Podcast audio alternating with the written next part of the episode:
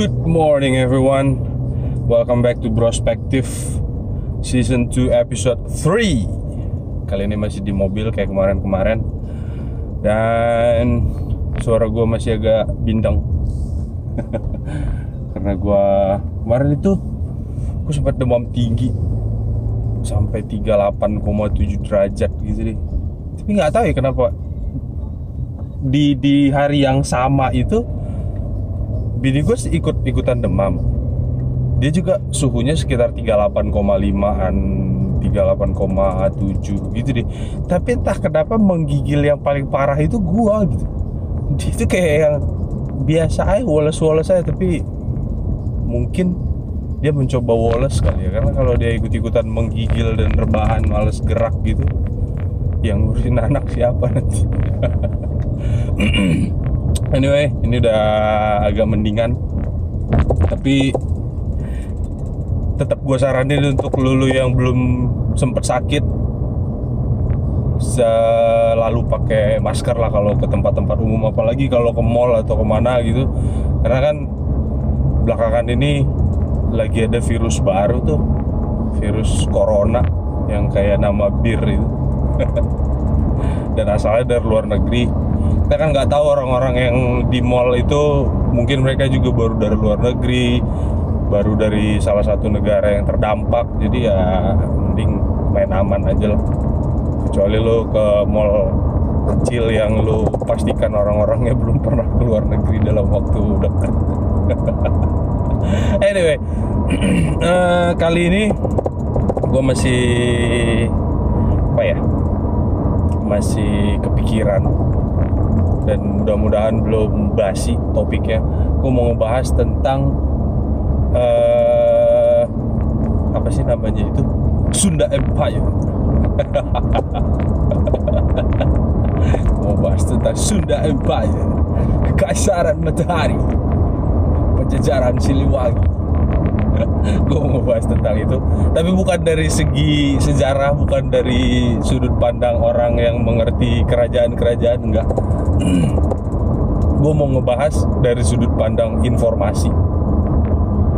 Informasi yang apa namanya informasi yang berseliweran informasi yang tiba-tiba muncul dan hubungannya dengan Sunda Empire. gitu. Gue kemarin setelah nonton itu kan ada ada itu itu ada apa namanya ada talk show. Si Bang Karni Ilyas bikin talk show. Indonesia Lawyers Club. Dia mendatangkan si Pak Rangga itu untuk ngomong panjang lebar. Cukup panjang lah sampai kepala gue juga agak-agak pusing ngobrol panjang lebar tentang apa sih sebenarnya Sunda Empire itu gitu Dia cerita cerita cerita cerita. Terlepas dari alasan dia mendirikan Sunda Empire itu ada beberapa informasi beberapa detail yang dia kasih tahu itu agak agak bikin gue penasaran juga. Salah satunya itu kayak uh, The Hiren 17 lo nggak tahu kan mungkin tapi Hiren 17 itu beneran ada cuman bukan pas habis perang dunia kedua jauh sebelum itu sekitar tahun 1600-an lah Hiren 17 itu. Karena Hiren 17 itu adalah VOC sebenarnya. Jadi itu ada 17 orang shareholders pemegang sahamnya VOC karena kan lu tahu VOC itu sebenarnya bukan bukan penjajah. VOC itu perusahaan dagang perusahaan bisnis. Lu kan tahu VOC itu perusahaan dagang sebenarnya. Perusahaan dagang yang efek samping keberadaan mereka itu yang merusak Indonesia. Orang-orang kita sakit semua dibikin sama mereka ratusan tahun bukan dijajah sebenarnya tapi ya itu urusan lain.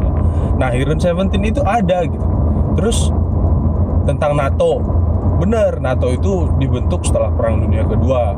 Itu salah satu inisiatifnya Amerika karena mereka nggak mau kecolongan lagi atau apalah istilahnya. Dan ada beberapa hal-hal lain yang informasinya itu sepotong-sepotong informasinya itu bener. Valid. Tapi ketika dihubung-hubungkan sama si Pak Rangga untuk membentuk alasan kenapa mereka mendirikan Sunda Empire itu salah gitu. Jadi informasinya itu sendiri benar koneksi antar informasinya itu yang salah. Paling nggak itulah yang yang mau gue jelasin. Kenapa gitu kan? Nah yang pertama kayaknya si Rangga itu atau siapa pun pendiri Sunda Empire itu kalau memang dia seperti yang dia bilang bukan kayak uh, kerajaan agung sejagat yang justru jadi tempat penipuan dan apa ngumpulin duit ilegal untuk memperkaya bosnya itu terlepas dari apa tujuannya mereka itu kayaknya si Pak Rangga ini banyak baca buku deh banyak baca buku atau banyak baca koran baca internet atau apa pun itu jadi dia punya banyak informasi. Dia dapat informasi dari banyak banget sumber dari bermacam-macam sumber. Yang sayangnya informasi itu enggak uh, gimana ya bukan dibilang nggak valid.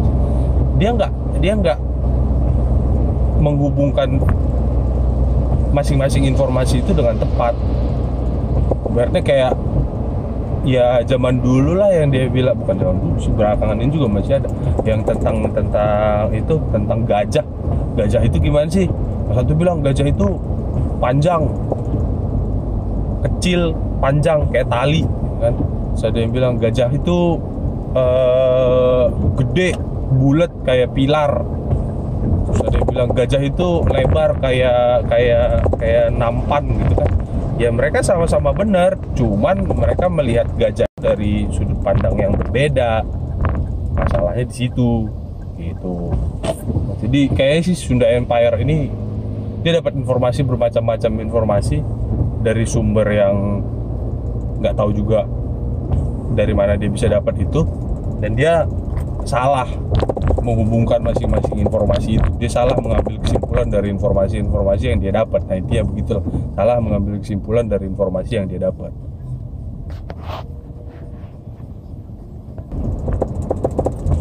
Oke nah hubungannya sama apa yang mau gue bahas adalah kemarin setelah gue nonton ILC itu gue kan iseng buka-buka internet terus nyari informasi bahaya nggak sih sebenarnya nyari informasi nyari artikel?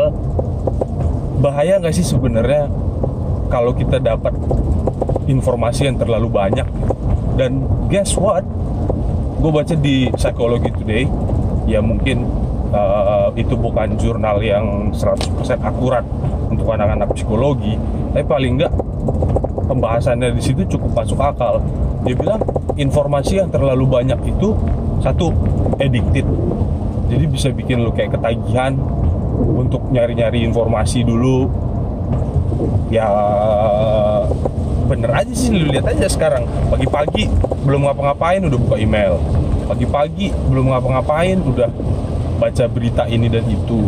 Pagi-pagi belum ngapa-ngapain udah nyari gosip dulu supaya nanti di kantor ada begini-begini. Atau yang paling sederhana pagi-pagi lu udah apalagi belakangan ini sering hujan lu udah langsung uh, buka BMKG misalnya. Gimana perakiran cuaca hari ini? Hujan deras nggak? Gimana kira-kira? Gue harus bawa payung nggak? Gue harus bawa mobil nggak? Atau apalah kayak gitu gitu kan. Nah salah satu uh, apa namanya salah satu efek samping itu yaitu tadi. Lu jadi nggak bisa ngambil keputusan cepat. Lu harus karena lu sudah sudah addicted dengan informasi yang banyak informasi yang uh, ber, ber apa berasal dari berbagai macam sumber lu akhirnya jadi nggak bisa ngambil keputusan based on satu sumber aja. Based on satu sumber informasi aja. Lu tuh kayak ngerasa ah nggak cukup nih gue pengen informasi yang lain gue pengen sumber informasi lain gue pengen ada pembanding gue pengen ada apa namanya ada ada apa ya counter information nggak tahu nggak tahu apa istilah tapi gue pengen ada pembanding. Satu nggak cukup dua nggak cukup tiga mungkin baru cukup. Ya, kayak gitu gitu itu salah satunya. Jadi you're addicted to information gitu kan? Ya untuk beberapa kasus beberapa kondisi mungkin informasi yang cukup banyak itu pada akhirnya akan berguna. Tapi untuk sebagian besar kasus lu justru nggak akan berani berbuat apa-apa karena informasi yang lu dapat menurut lu belum cukup. Itu yang pertama kalau dibilang di psikologi, eh, psikologi today kemarin yang gue baca. Nah yang kedua berbahaya nggak sih kalau lu apa namanya lu udah addicted ke apa namanya ke kebutuhan informasi yang terlalu banyak? Berbahaya. Kenapa? Ketika lo dihadapkan pada situasi yang membutuhkan keputusan cepat lu udah nggak sanggup lagi lu udah nggak bisa lagi. Akhirnya apa? Lu stres. Stres lead to depressions karena lo punya pikiran buruk. Aduh gue nggak bisa bikin keputusan nih karena informasi yang gue dapat belum cukup banyak. Gue nggak bisa bikin keputusan nih nanti kalau keputusan yang gue ambil salah gimana gitu. Atau lu kalau misalnya dipaksa apa di, ditodong senjata gitu tuh misalnya apa. Ayo cepat cepat cepat bikin bikin keputusan bikin keputusan. Lu bikin keputusan setelah lu bikin keputusan karena lu udah terbiasa dengan segitu banyaknya informasi yang harus lu olah dulu sebelum ngambil keputusan lu akhirnya mempertanyakan keputusan lu bener nggak? Bener atau enggak bener atau enggak lu nggak bisa kayak udahlah udah ngambil keputusan udah kita lihat gimana hasilnya. Kalau kalau salah ya nanti diulang atau di remedy kalau benar ya udah bagus. Nggak nggak ada nggak ada kondisi seperti itu lagi lu langsung kayak yang aduh gue nggak bisa nih bikin keputusan cepat nih. Atau ketika lu udah bikin keputusan cepat aduh keputusan yang gue ambil itu pasti salah nih pasti salah nih. Lu jadi kayak menyalahkan diri sendiri lu jadi depresi lu jadi takut untuk bikin keputusan di kemudian harinya. Nah itu gue baca di psikologi today itu begitu. Informasi yang terlalu banyak itu justru berbahaya ya mungkin nggak kelihatan sekarang mungkin berbahaya bukan kayak yang langsung bikin rumah kebakaran atau apalah. Tapi ternyata informasi yang terlalu banyak itu jelek juga. Ya kalau kata orang-orang tua zaman dulu segala sesuatu yang terlalu banyak itu nggak bagus gitu ya. Itu salah satunya. Informasi yang terlalu banyak itu nggak bagus. Nah balik lagi ke masalah yang Sunda Empire itu. Mungkin dia pun seperti itu. Dia dapat informasi yang terlalu banyak dari sumber yang terlalu banyak juga mungkin yang pada akhirnya leading him to make wrong buka agak wrong sih leading him to make funny conclusion gitu. kita nggak tahu benar atau salah mungkin sih ya, kali aja mungkin ternyata setelah dicari tahu sama arkeolog atau sosiolog antropolog apalah apalah yang kerjanya membongkar-bongkar masa lalu itu ternyata Sunda Empire beneran ada itu ya ada kisah sejarahnya kan kita nggak tahu. Yang jelas sampai sekarang belum ditemukan kesalahan sama dia selain kebodohan. Jadi dia belum belum belum belum ada laporan kalau dia itu menipu dengan bayar ini dan itu. Nanti lagi itu kita serahkan ke polisi. Tapi dia jadi ngambil keputusan yang konyol ngambil kesimpulan yang konyol dengan informasi-informasi yang dia dapat. Ya kayak yang gue bilang itu dia tahu Hiren Seventeen. Ya berarti dia itu pernah baca tentang Hiren Seventeen. Dia tahu tentang NATO. Berarti dia pernah baca tentang NATO. Dia tahu tentang ya untung dia tiba-tiba nggak muncul dengan ide apa namanya Freemason. Lebih lebih ribet lagi kan? Nah kalau dia tiba-tiba muncul dengan ide Freemason itu akan lebih lebih pusing lagi. Karena Freemason itu juga benar-benar ada. Dan anggotanya itu ada di mana-mana. Kalau lu mau cari-cari tahu salah satu apa namanya petinggi jenderal zaman Orde Baru dulu dia anggota Freemason. Dan pendiri ITB itu kebanyakan Freemason Freemasonnya Indonesia kalau lu mau cari tahu ya. Ini shout out ke Gump and Hell di Instagram lu bisa cari Gump and Hell.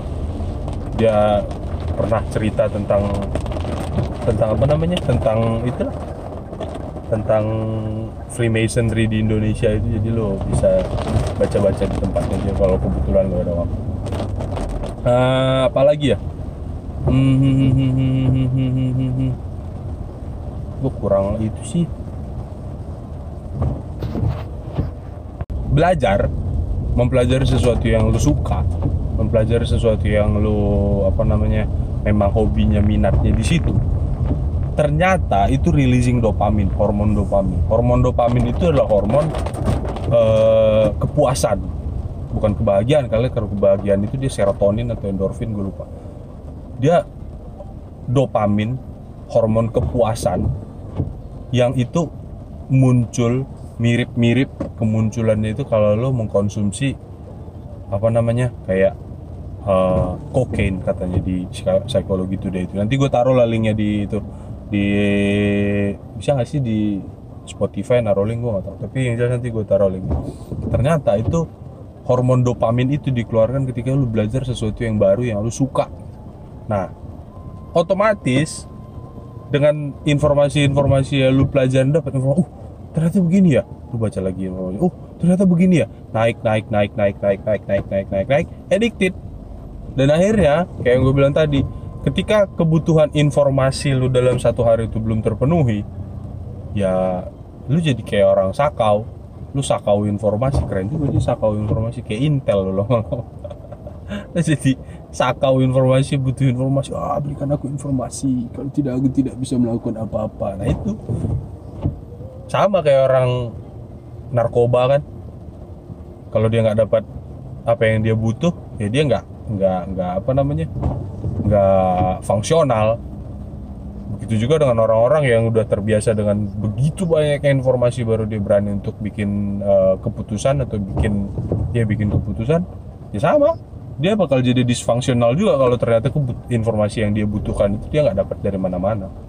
Tadi kan jadi nggak berani bikin keputusan atau apa atau bikin keputusan yang yang benar sebenarnya tapi lu anggap salah atau justru bikin keputusan konyol. Salah satunya kayak mamang mamang rangga-rangga itu. Nah sedikit tentang Sunda Empire dan itu dan apa namanya?